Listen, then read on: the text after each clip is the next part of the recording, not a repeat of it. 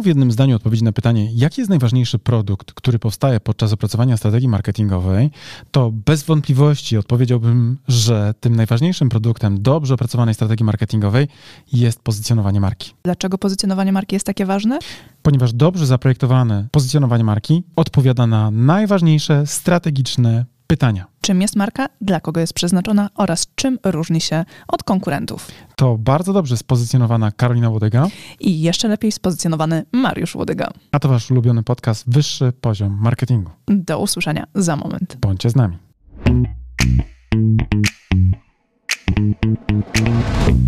Cześć Karolino. Cześć Mariuszu. Powiedz mi, kiedy idziesz na zakupy, to czym się kierujesz, kiedy dokładasz kolejne produkty do na przykład koszyka, albo też e, jakie produkty wybierasz w innych miejscach niż sklep spożywczy? Czy postępujesz tak, jak mi się wydaje, czyli klasycznie na zakupach porównujesz sobie na przykład jeden brand do drugiego i potem zastanawiasz się, co wybrać? Czy może po prostu ktoś ci to ładuje bezwiednie, bez twojej woli, zgody i akceptacji, a potem ty tylko za to płacisz przy kasie? Generalnie zależy wszystko od okazji, od kategorii zakupowej, bo zdarza się tak, że ktoś mi bezwiednie pakuje różne produkty do koszyka, za które muszę zapłacić. To jesteś wtedy w sytuacji matki, która jest z dzieckiem na zakupach. To przerabiałem, tak, to widziałem. No, tak. Ten ktoś. Ten ktoś, tak. Ten mały ktoś. Ja też, ja też, ja też. Natomiast w innych sytuacjach są produkty, w których przypadku je porównuję między sobą, tak, marki czy też ich funkcjonalności, które mi dostarczają, ale są takie, gdzie jak jest jakaś marka, to niestety ulegam tym emocjom, e, temu przekazowi, który marka mi wtłoczyła do głowy i niestety wydaje pieniądze. I nie masz tak naprawdę możliwości mówienia o tym, że decyzja była racjonalna. Bardzo bym chciała, ale nie. Ale nie, no właśnie i tak to właśnie działa. Kiedy marki są spozycjonowane jako marki pierwszego wyboru albo też te tak zwane top of mind, no to wtedy faktycznie ten konsument, który idzie na zakupy, który ma tą swoją markę, która jest dla niego jakiegoś rodzaju idolem albo też przynajmniej ikoną w danej kategorii, to wtedy okazuje się, że jego skłonność do mówienia tak, na przykład na pricing, zdecydowanie rośnie. To znaczy poziom akceptacji na przykład wysokiego poziomu pricingu zdecydowanie e, rośnie, a przy okazji maleje opór przed właśnie mm, przelaniem pieniędzy na przykład na tak. konto danego brandu. Tak, i to nie tylko e, ta akceptacja na pricing się zwiększa, ale zwiększa się też akceptacja na liczbę produktów danej marki w twoim koszyku zakupowym zakupowym, tak? Bo okazuje się, że jeżeli dana marka, na którą jesteśmy mega już wrażliwi, wypuszcza kolejne produkty czy rozwiązania, to my po prostu jak takie rozanielone stworzenia idziemy w to jak w ogień. Shut up and take my money. tak, tak, tak, tak, tak. Któż nie był w takiej sytuacji, niech pierwszy rzuci kamieniem, prawda? Sam ulegam czasami takim mechanizmom i myślę, że de facto, mm, oczywiście będąc całkiem świadomym użytkownikiem przestrzeni, że tak powiem, e, komersowej, mam wrażenie, że i tak e, te wszystkie mechanizmy również powodują w mojej głowie spore zamieszanie. A dlaczego powodują zamieszanie w głowie? Ponieważ pozycjonowanie marki, tak naprawdę, według definicji twórców i założycieli, że tak powiem, tego nurtu w marketingu, odbywa się właśnie w umysłach odbiorców. Nie na półce sklepowej, tylko w umysłach odbiorców komunikacji. Czyli generalnie, jeśli chcemy być skutecznymi marketerami, to musimy myśleć o takich aspektach, jak właśnie umysł konsumenta na zakupach, i umieć tym umysłem również w jakiś sposób zarządzić. To znaczy, wiem, że brzmi teraz bardzo źle dla osób, które uważają, że marketerzy to czyste zło, manipulujące emocjami. Bo to jest potwierdzenie tego, tak? to jest potwierdzenie, ale de facto na tym tak naprawdę to polega. To znaczy, jeżeli chcemy sprzedać nasz produkt, tak, i chcemy, aby on uzyskał pewien pułap wycen, jeżeli chcemy, aby konsument w ogóle go zauważył, jeżeli chcemy, żeby pewne skojarzenia pojawiły się w umysłach i sercach e, konsumentów, to ten przekaz cały, który powoduje te wszystkie aspekty, musi być właściwie zaprojektowany. I wtedy faktycznie możemy powiedzieć, że w jakim stopniu manipulujemy odbiorcami, ale... I wiesz, ja tu nie do końca bym się z tobą zgodziła, bo faktycznie niektórzy mogą powiedzieć, że to jest manipulacja, a dla mnie z kolei to jest ułatwienie konsumentom wyboru. Tak? I mi bo... się bardzo podoba ta twoja optyka. Ja też uważam, że na przykład konsument... W ogóle manipulacja mm, brzydko brzmi, ma brzydką mar... Brzydko jest pozycjonowana. tak. Fraza, prawda? Wolimy na przykład powiedzieć wywieranie wpływu, prawda? Bo wiadomo, że wywieranie wpływu jest etyczne, a manipulacja jest nieetyczna. Zasadniczo chodzi jednak o kreowanie pewnego obrazu w głowie, który normalnie by nie powstał, gdybyśmy na przykład nie wkroczyli tam jako architekci tego przekazu. A pewnie idąc dalej, poprzez kreowanie tego obrazu i budowanie Zmieniamy tego wizerunku, rynku. Tak, tak, zmienić postawę rynku i zachowanie konsumenta. Tak, finalnie sprawiające, że na przykład konsument idący na zakupy, na pytanie ile to kosztuje, wzdryga tylko ramionami i mówi, eh, Ech. No, wcale niedużo. Ale też idąc na zakupy, kiedy staje przed sklepową półką i zastanawia się, który produkt której marki wybrać, to nie ma tej wątpliwości, bo już wie, że ten jest odpowiednio spozycjonowany w jego umyśle i wie, że to jest produkt przeznaczony dla niego. No właśnie i to, to, to trochę może zabrzmieliśmy być może kontrintuicyjnie, bo konsument rzadko kiedy idzie na zakupy, rozważając kwestię pozycjonowania marek. To znaczy, to nie jest tak, że wybierając sobie, nie wiem, serek homogenizowany, ja świadomie mówię o pozycjonowaniu marek. Natomiast z drugiej strony tak naprawdę właśnie odbywa się ten cały proces, czyli na przykład, nie wiem, myśląc sobie o tym, że chcę sprawić mojemu dziecku przyjemność, to mam jakąś markę w głowie, tak, mhm. która do mnie komunikowała, która ma fajnego brand hero'a w swojej komunikacji. I kiedy myślę o tym, że na przykład to jest serek dla mojego bąbelka, to sięgam po ten droższy. A kiedy jest to serek dla mnie po to, żeby tylko uzupełnić niedobory białka, to wybieram sobie jakiegoś generyka, ponieważ w tej kategorii nie mam takiej potrzeby. Tak, to też może tak być, a może być też tak czasami w takich sytuacjach, że jednak po tego generyka nie sięgniemy, bo nie mamy zbudowanych skojarzeń z tą marką i nie wiemy, czym ona jest i co nam dostarcza. I obawy przed zaufaniem takiej marce są zbyt duże, dlatego sięgamy po to, co znamy z przekazów reklamowych, na przykład w telewizji czy w internecie. Pozornie to wszystko, o czym rozmawiamy w tej chwili jest banalnie proste. To znaczy konsument na zakupach przygotowany poprzez dobrą komunikację reklamową, ma pewne skojarzenia, pewne wyobrażenia o produktach, pewne cechy ma wzmocnione w kontekście marek, które e, do niego mówią. Niektóre cechy konkurentów są osłabiane przez na przykład brak wyrazistości. Wszystko bardzo jest proste, kiedy o tym mówimy. W praktyce jednak, kiedy zaczynamy projektować takie założenia dla klientów naszych, kiedy opracowujemy dla ich marek pozycjonowanie, to się okazuje, że albo w jakiejś kategorii wszystko już było, tak. Albo funkcjonuje jakaś przestrzeń teoretycznie możliwa do zagospodarowania, z jakiegoś powodu do tej pory nie eksploatowana. I tylko nikt nie wie, czy ona nie była eksploatowana, ponieważ nikt jeszcze jej nie zauważył i tam jest duży potencjał, czy jednak już ktoś tam był, ale stwierdził, że to nie ma szansy. I wszyscy, którzy poszli, byli trochę jak, wiesz, wędrowcy przez pustynię śmierci, tak, przez Dolinę tak, Śmierci. Tak, tak, tak. Na zasadzie szlak wygląda na nieuczęszczany, ponieważ wszyscy, którzy ruszyli w, ten, w tę podróż, po prostu zmarli w trakcie. I faktycznie, kiedy mówimy o pozycjonowaniu marek, to teoretycznie jest to wszystko proste, no bo przecież odpowiedź na pytanie, czym jestem na rynku, na którym funkcjonuję, dla kogo jestem przeznaczony i czym się różni od konkurentów, jest oczywista, ale w praktyce, kiedy zapytamy konsumenta, słuchaj, czy ten brand, który tu do ciebie mówi, czy ta marka, która do ciebie mówi, w twojej głowie jest w jakiś sposób wyrazista, czy byś powiedział, że ma wyraźne pozycjonowanie, to właśnie przeciętny konsument może powiedzieć, no wiesz co, dla mnie jest generyczna, jest jak każda inna, którą w tej kategorii widziałem. Jeszcze jeden produkt, jeszcze jedna osoba, jeszcze jedna usługa, która zasadniczo niczym się specjalnym nie różni. Co by oznaczało tak naprawdę, że coś, co miało być proste jak konstrukcja cepa, wcale proste w egzekucji nie jest. I oczywiście znacznie łatwiej jest mi mówić o tym, że pozycjonowanie marki powinno prowadzić do unikalności, która później z kolei skutkuje tym, że my jesteśmy właśnie tą marką pierwszego wyboru, albo też liderem w kategorii, natomiast znacznie trudniej jest to przeprocesować. Ale nie chciałbym zabrzmieć dzisiaj za bardzo pesymistycznie i rzucać pod nogi naszych słuchaczy i słuchaczek zbytnich kłód merytorycznych, więc może trochę uprośćmy. Czy są, Karolina, jakieś takie proste sposoby na pozycjonowanie marek, w sensie proste strategie, które moglibyśmy tutaj dzisiaj polecić, e, żeby przynajmniej rozpocząć dyskusję w firmach naszych słuchaczy, od czego tutaj przynajmniej zacząć? Znaczy, generalnie sposobów na pozycjonowanie marki jest setki, a może nawet i tysiące. Natomiast można faktycznie wyszczególnić takie dwie najpopularniejsze strategie pozycjonowania, które chyba każdy z naszych słuchaczy teraz zrozumie, kiedy je przedstawimy i będzie wiedział o co chodzi, tak? Mamy strategię pierwszą i drugą. No, no tak, ja rozumiem. Już do mnie to dotarło, tak. Pierwsza i druga. No tak, spoko. bardzo proste, prawda? Proste, proste. Faktycznie nie komplikujemy teraz tej nie, sytuacji. Nie, nie, nie. I pierwsza strategia to jest strategia, którą nazywamy market gap, czyli to jest szukanie luki rynkowej. Szukanie takiej przestrzeni, której jeszcze nikt z konkurentów nie zagospodarował. Czyli to jest ta sytuacja, o której mówiliśmy wcześniej, tak? Czyli idziemy szlakiem, który nie jest przetarty. Szukanie tego błękitnego oceanu, trochę można no, powiedzieć. Szukanie, tak, też błękitnego oceanu, albo na przykład drogi na skróty do, tak. do wiesz, sezamu, mhm. Y, która z jakiegoś powodu nie jest specjalnie dobrze oflagowana, no, nie tak. ma specjalnie dużo wskazówek w tym terenie, ponieważ niewiele osób lub też żadna, tak, jeśli dobrze rozumiem, nie udała się w tamtą stronę jeszcze przed nami. Tak, dokładnie tak. No i teraz oczywiście jest szansa na wykorzystanie takiej luki rynkowej, na zagospodarowanie tej przestrzeni. Tylko z... dla siebie. Tylko dla siebie.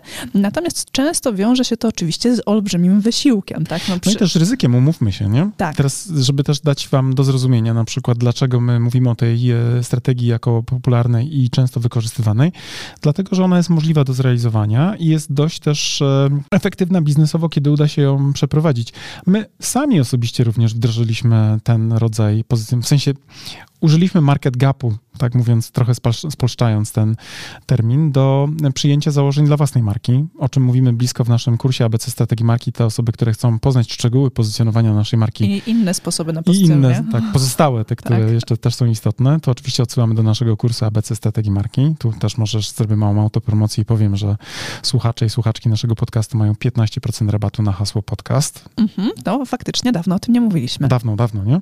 No, natomiast zmierzam do tego, że my sami przeprowadziliśmy ten rodzaj e, projektu, którego wynikiem było znalezienie dla siebie niszy rynkowej, która nie była specjalnie zagospodarowana. To znaczy, My, jak już być może część z Was pamięta, w naszych podcastach wyszliśmy w ogóle na rynku usług y, marketingowych jako agencja y, taka trochę wszystko o wszystkim. To znaczy mieliśmy i produkcję stron internetowych, i banery reklamowe, i, I sesje zdjęciowe, i materiały wideo. Materiały wideo, materiały... I teksty na stronę internetową. No czegośmy tam nie robili, prawda? Co było potrzeba, to robiliśmy. Trwało to przez y, pewnie dwa lata, zanim zorientowaliśmy się, że de facto takich, co robią właśnie takie rzeczy jak my, są tysiące miesiące. W owym czasie jeszcze byliśmy też mocno zakorzenieni, że tak powiem, w rynku warszawskim, bo tam funkcjonowaliśmy jako też marka, tam mieszkaliśmy przez kilka lat i tam funkcjonowaliśmy biznesowo. I w pewnym momencie miałem takie olśnienie, kiedy sobie zadałem pytanie Agencja Reklamowa Warszawa w, w, w Google. Mhm. A tam dostałem 1200 odpowiedzi, wyników. wyników odpowiedzi na to zapytanie.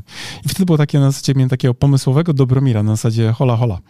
Ci, którzy mają zarabiać na tym rynku w Warszawie już zarabiają, a takie małe, butikowe można powiedzieć, firmy agencyjne, znaczy agencje reklamowe jak nasza, którą chcieliśmy rozwijać, być może, być może niekoniecznie mają ułatwione zadanie. Natomiast wtedy dokonaliśmy analizy takiej marketingowej, tak, zrobiliśmy mapowanie rzeczywistości, w której funkcjonowaliśmy i zorientowaliśmy się, że tak naprawdę tą luką rynkową, która jest niezagospodarowana, było właśnie strategiczne doradztwo marketingowe. Czyli zamiast wykonawstwa, koncentracja wyłącznie praktycznie na konceptualizacji zadań. I to był strzał w dziesiątkę.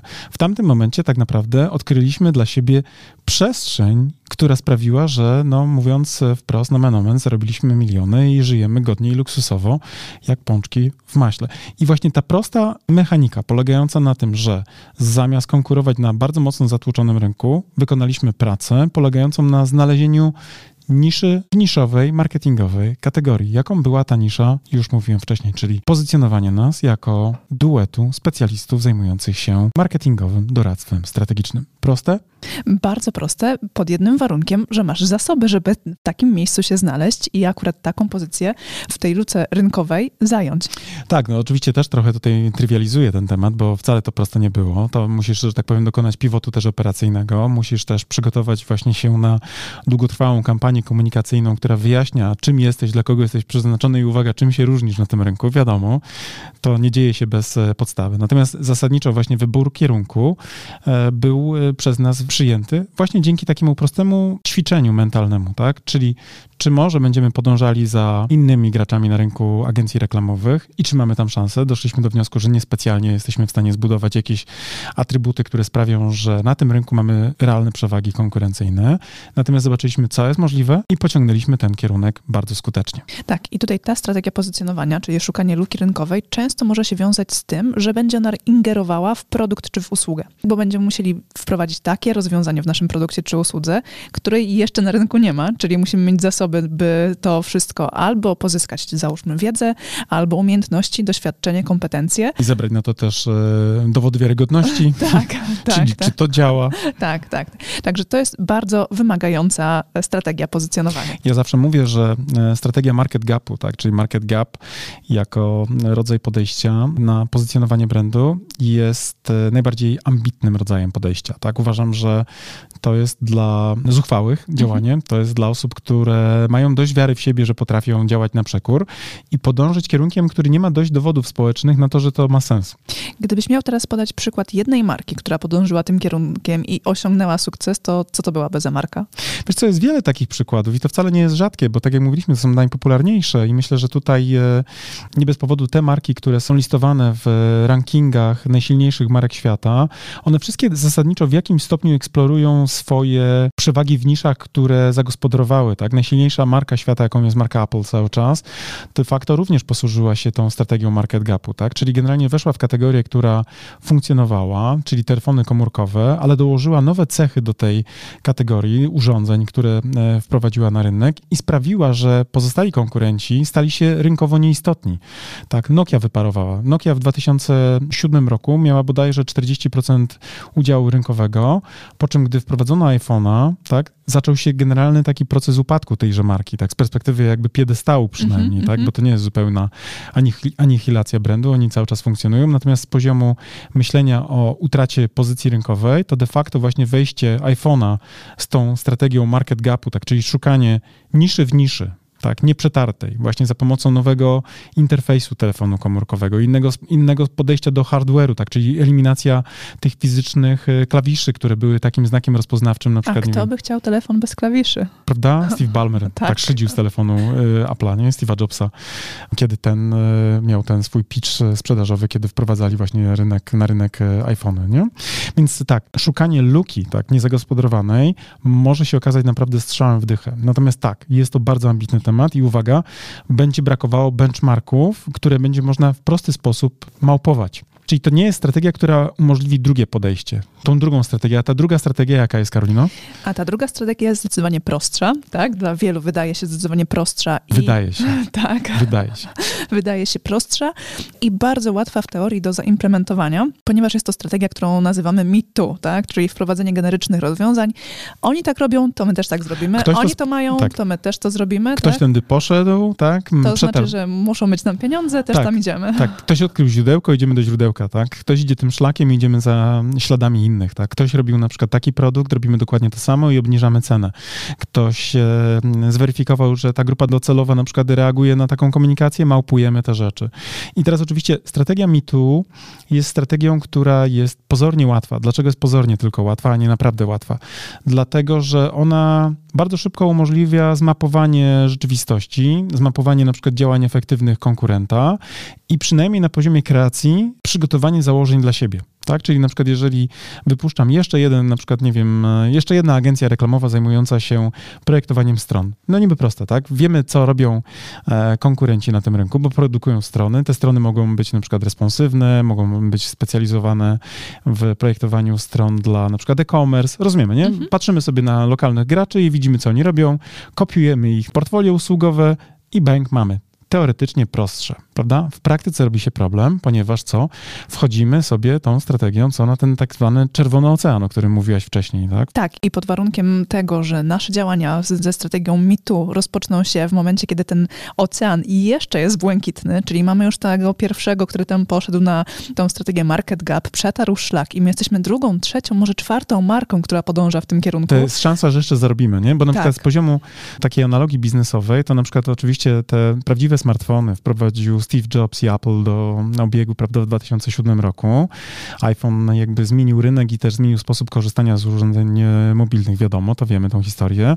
Potem za tym podążyły inne marki właśnie naśladowcze, tak, mhm. tak, klonujące jakby koncept, który został przetarty właśnie przez Apple'a i paradoksalnie na przykład, e, jak dobrze pamiętam, to Samsung e, nominalnie sprzedaje więcej urządzeń niż Apple, ale oczywiście zarabia mniej, bo ma mniejszą siłę tego brandu, w związku z tym uzyskuje niższą marżę marżę. Mhm. Czyli sprzedaje więcej, ale zarabia mniej. Tak. Ale on jeszcze zarabia całkiem przyzwoicie. Potem masz kolejnych graczy, którzy nadal powiedzmy są w tej kategorii jeszcze silni i sprzedają duże liczby urządzeń, natomiast potem masz jakieś marki takie już z obrzeża peryferii, powiedzmy tej kategorii, które cieszą się tym, co spadło jako okruszek z pańskiego stołu. I teraz tę kategorię możemy nazwać kategorią Czerwonego Oceanu i w tym momencie, gdyby ktoś powiedział, że chce wejść z nowym smartfonem na rynek, to powiedziałabym, że no, Good luck przemyślałabym temat. I teraz wiesz, to znowu idąc trochę w inną kategorię e, rozwiązań. E, mieliśmy ostatnio przykład e, wycofania się z rynku marki Shopee, Mhm. Czy jak oni tam Shopee. się... Shopee. No my ta reklama Shopee Pi, nie? Tak? Mhm. Dobrze mówię, tak? Chyba to tak, było? tak. Ja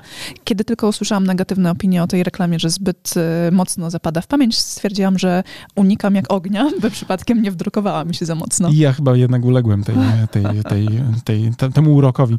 I teraz zobaczcie, weszli na rynek jako generycy trochę, nie? To miała być konkurencja oczywiście dla kluczowych tutaj graczy na rynku akurat polskim, tak? Czyli dla Allegro, dla Amazona i dla AliExpressu. Mieli, krótko mówiąc, być jeszcze jednym w kategorii Too, tutaj ewidentnie było, tak? Natomiast okazało się, że ci gracze, którzy byli wcześniej tak, na tym rynku, zwłaszcza akurat Allegro, e, miało taką siłę oddziaływania na tym rynku, że kolejny naśladowca po prostu zwyczajnie nie dał rady i musiał podwinąć ogon i wycofać się z danego rynku. Tak, i tak się dzieje nie tylko i wyłącznie w przypadku dużych marek, ale i często marki mniejsze e, po prostu mają poczucie, że kiedy wchodzą na dany rynek, tak, bo kopiują na przykład rozwiązania, które są już dostępne w tym momencie, zakładają kolejny e-commerce z marką odzieżową albo po prostu już coś, co funkcjonuje na rynku, mają poczucie, że skopiują ten sam model, który ma konkurent i będą po I prostu... to wystarczy. I to wystarczy, po prostu odbiorą mu część jego tortu finansowego.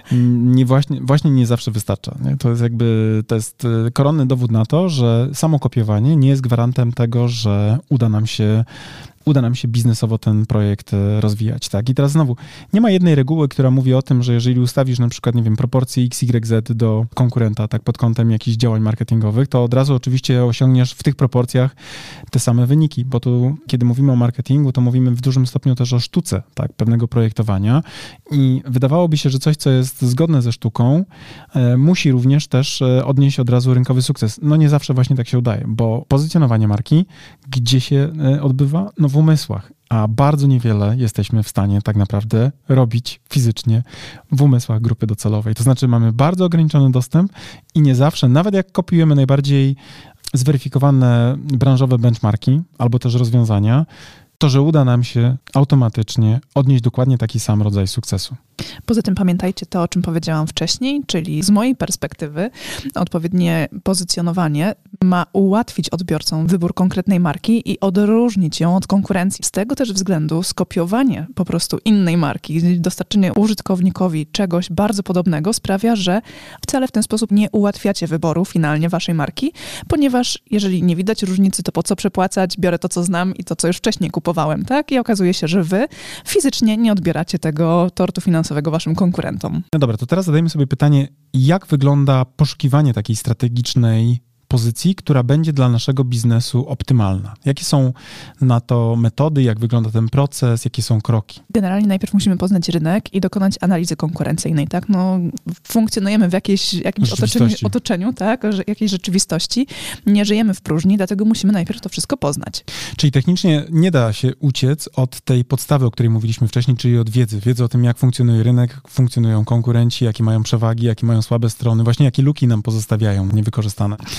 Dobrze, to jest pierwszy taki aspekt. A co jeszcze? Drugim krokiem, generalnie, który my bardzo mocno rekomendujemy, to jest przeprowadzając badania marketingowe, tak, żeby poznać potrzeby odbiorców, tak, żeby dowiedzieć się, czego oni szukają na rynku, w jaki sposób dokonują decyzji zakupowych, czego się obawiają, żeby naszą marką, naszymi produktami czy usługami odpowiedzieć na właśnie ich potrzeby, tak, żeby nie było, że my manipulujemy i wymuszamy jakąś potrzebę w rynku, tylko odpowiadamy na to, co istnieje. I oczywiście nie mam nic przeciwko temu, by kreując przekaz, dokonywać jakiejś zmiany w postawach odbiorców, tak? Czyli nie lubiłem jakiegoś brandu, a teraz lubię. Mhm. Nie mam nic przeciwko temu. Na tym polega marketing, właśnie tworzenie skojarzeń z daną marką.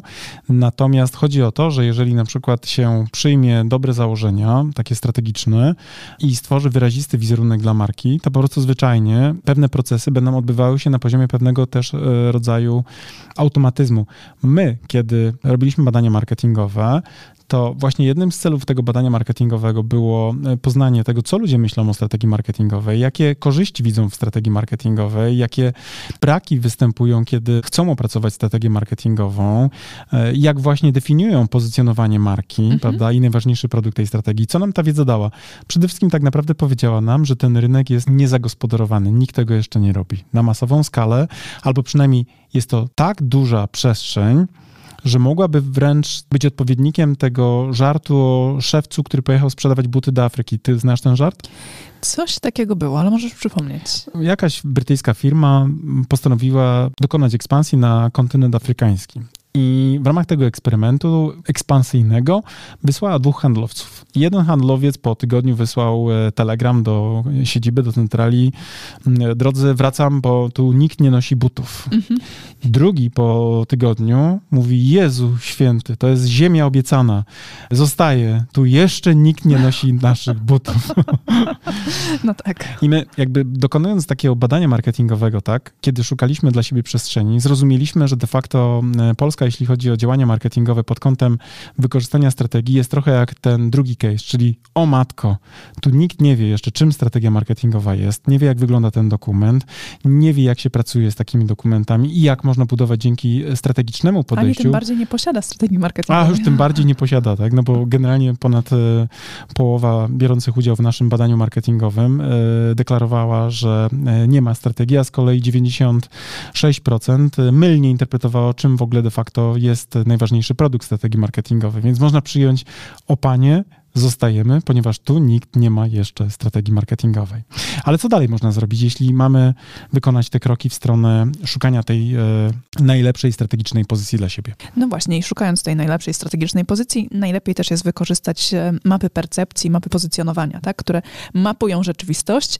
I oczywiście mogłabym tutaj więcej powiedzieć o tym, ale odeślę Was do naszego kursu online ABC Strategii Marki, bo tam temat właśnie map percepcji, tego jak je tworzyć, jest bardzo szczegółowo przez nas omówiony. Może tylko tylko w wielkim skrócie jeszcze powiem, że mapy percepcji, e, czy też mapy pozycjonowania pozwalają nam dzięki zdobytej wiedzy wskazać możliwe nisze właśnie do wykorzystania dla naszej marki i podjąć decyzje, dzięki którym będziemy w stanie e, poddać te koncepty strategicznej egzekucji. Dokładnie tak. Zatem, kiedy myślimy o pozycjonowaniu, to pamiętajmy o tym, że pozycjonowanie odbywa się w umyśle grupy docelowej. Tak? To znaczy, to nie jest tak, że e, pozycjonują się marki na półkach sklepowych, tylko tak naprawdę pozycjonowanie to jest to, co myślą konsumenci konsumenci o markach w danych kategoriach i jak te marki wypadają, kiedy oni sobie robią zestawienie, na przykład czym się różni Skoda od Audi. Rozumiemy, tak. nie? Na zasadzie, dlaczego mam wybrać ten brand y, albo tam, tamten, dlaczego mam skorzystać z tej na przykład firmy doradczej, a nie z tamtej. Odbywa się to w umyśle grupy docelowej, tak, w głowach naszych decydentów. I teraz część osób może sobie pomyśleć i zadać pytanie, w jaki sposób możemy mieć wpływ na to, co się odbywa w umyśle naszej grupy docelowej. I oczywiście tutaj odpowiedzialnością osób, które zarządzają markami jest to, by kreować taki przekaz do odbiorców, by stworzyć takie pozycjonowanie w tych umysłach, na którym nam zależy. Drugim takim bardzo ważnym e, zdaniem, które chciałbym powiedzieć, cytując Waltera Landała, jest to: marki powstają w umysłach, a produkty powstają w fabrykach. To teraz w takim razie podsumujmy ten odcinek i skondensujmy tę wiedzę z naszej rozmowy. Czym w takim razie jest pozycjonowanie?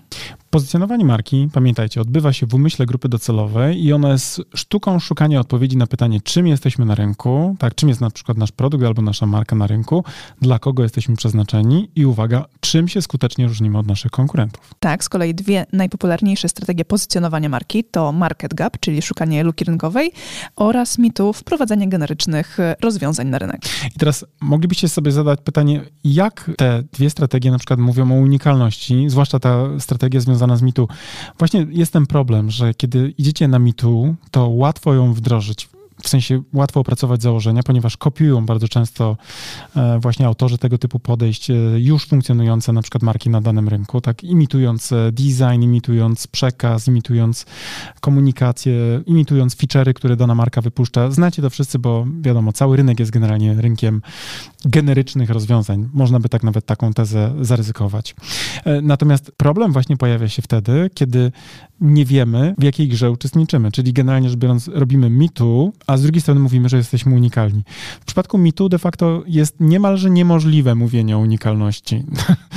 tak? Natomiast jest możliwe, aby mówić o tym, że hej, my też jesteśmy w tej kategorii, tylko jesteśmy na przykład tańsi. Jak mówiła słynna reklama z lat 90., skoro jest tak samo dobre, to po co przepłacać? W przypadku market gapu, czyli szukania unikalnego pozycjonowania dla swojej marki, naprawdę unikalnego, oczywiście jest to coś, co jest podejściem bardziej ambitnym, bardziej wymagającym, bardziej trudnym w realizacji, ale z drugiej strony czasami znacznie bardziej wynagradzającą niż przeciętna w danej kategorii. I czego teraz moglibyśmy Wam życzyć e, po wysłuchaniu tego odcinka? Myślę, że przede wszystkim odwagi do wyboru market gapu jako sposobu na pozycjonowanie, czyli szukanie jednak swojej unikalnej pozycji. Natomiast zdajemy sobie sprawę, że wiele jest kategorii, w których wszystko już było i sami mamy świadomość tego, że w niektórych kategoriach wymyślenie czegoś na nowo jest niemalże kwadraturą koła. Więc wtedy tak naprawdę ogrywa się trochę inaczej, czyli wiemy o tym, że de facto jesteśmy trochę mitu, ale z drugiej strony za to lepiej projektujemy komunikację, ciut bardziej dystynktywnie, ciut bardziej wyraziście mówimy o tym, ciut bardziej podkręcamy osobowość, na przykład marki w stronę większej śmiałości albo czasami nawet kontrowersji w niektórych przypadkach. Natomiast oczywiście to są niuanse i jeżeli macie wątpliwości co do tego, jak poprowadzić taką komunikację, to wiecie, tylko możecie przyjść. A jeśli nie wiecie, to od razu wam powiem. Do Karoliny. I do Mariusza. Tak jest, Łodyków z firmy Premium Consulting. Najbardziej unikalnej marki doradczej, jaka w tej rzeczywistości funkcjonuje. Przynajmniej w tym podcaście. Także zapraszamy was bardzo. No i mówimy od razu do usłyszenia w kolejnym odcinku. Bądźcie z nami. Cześć. Cześć.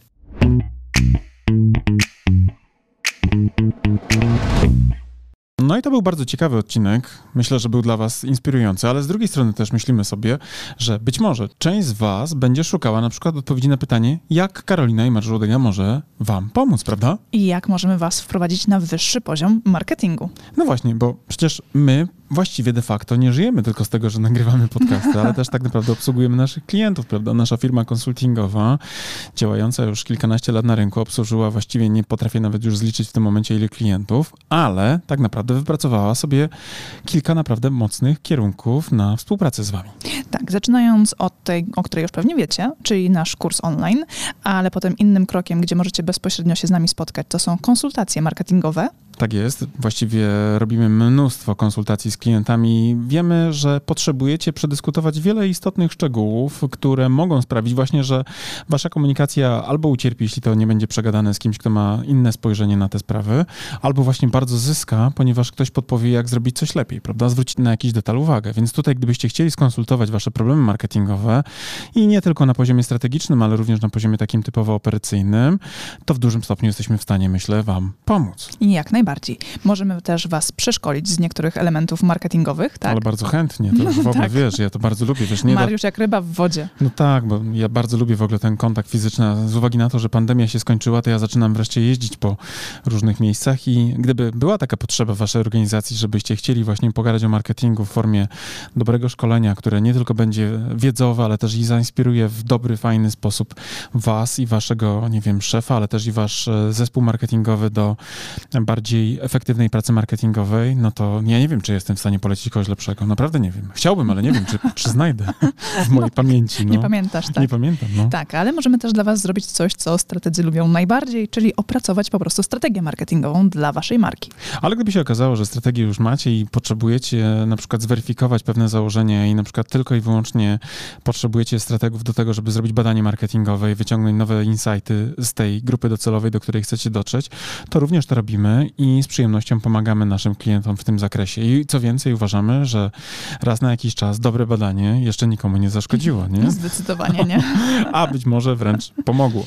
Tak, a jeżeli na przykład prowadzicie sklep internetowy i potrzebujecie zweryfikować, czy jest on prosty, intuicyjny dla waszych klientów, czy proces zakupowy jest też zrozumiały i czy nie sprawia, że wasi klienci opuszczają wasz sklep, bo po prostu coś było nie tak, to zawsze możecie też się do nas odezwać, a my przeprowadzimy audyt sklepu internetowego. Tak jest. I nie tylko na poziomie oczywiście takich typowo e, operacyjnych wskaźników, jak na przykład, nie wiem, e, kwestie konwersji, prawda, na sklepie, ale również spojrzymy na to, o czym z zewnątrz, aby dać wam feedback, w jaki sposób wasza marka z waszym sklepem internetowym może się różnicować, prawda, w tym całym gąszczu. I tutaj nasze bardzo bogate doświadczenie komersowe również może być dla was bardzo mocno pomocne. Więc jak Czyli sami... tutaj mamy połączenie procesu zakupowego razem z tym aspektem marki i strategii marki. Tak jest, bo tutaj absolutnie pewnie łatwiej dzisiaj utworzyć sklep internetowy niż przetrwać ze sklepem, więc generalnie rzecz biorąc myślę, że tutaj też byście byli bardzo mocno e, zaskoczeni, ile rzeczy możemy wam e, podpowiedzieć. Więc tak long story short, jak to mówią anglosasi, prawda? Jesteśmy do usług i chętnie wam pomożemy wprowadzić wasze marki na wyższy poziom marketingu, prawda? Dokładnie tak. Wystarczy, że się do nas odezwiecie. Tak jest. Piszcie do nas na socialach lub też po prostu zwyczajnie na, na przykład... Na mailach. Na mailach, tak jest. Tradycyjnie, tak jak trzeba, prawda? Czyli tak. na przykład m.lodyga małpa premium-consulting.pl albo k.lodyga małpa premium-consulting.pl, prawda? Tak. Żadnych podkręconych piłek tu nie było. Zwróciłaś uwagę? A jak nie wiecie, jak zapisać m.lodyga, to zawsze może być biuro małpa premium-consulting.pl. Ale pięknie to powiedziałaś. Drodzy, to nie przedłużamy już tej naszej reklamy, no i mówimy do zobaczenia, do usłyszenia już niebawem. Cześć! Cześć! Thank you.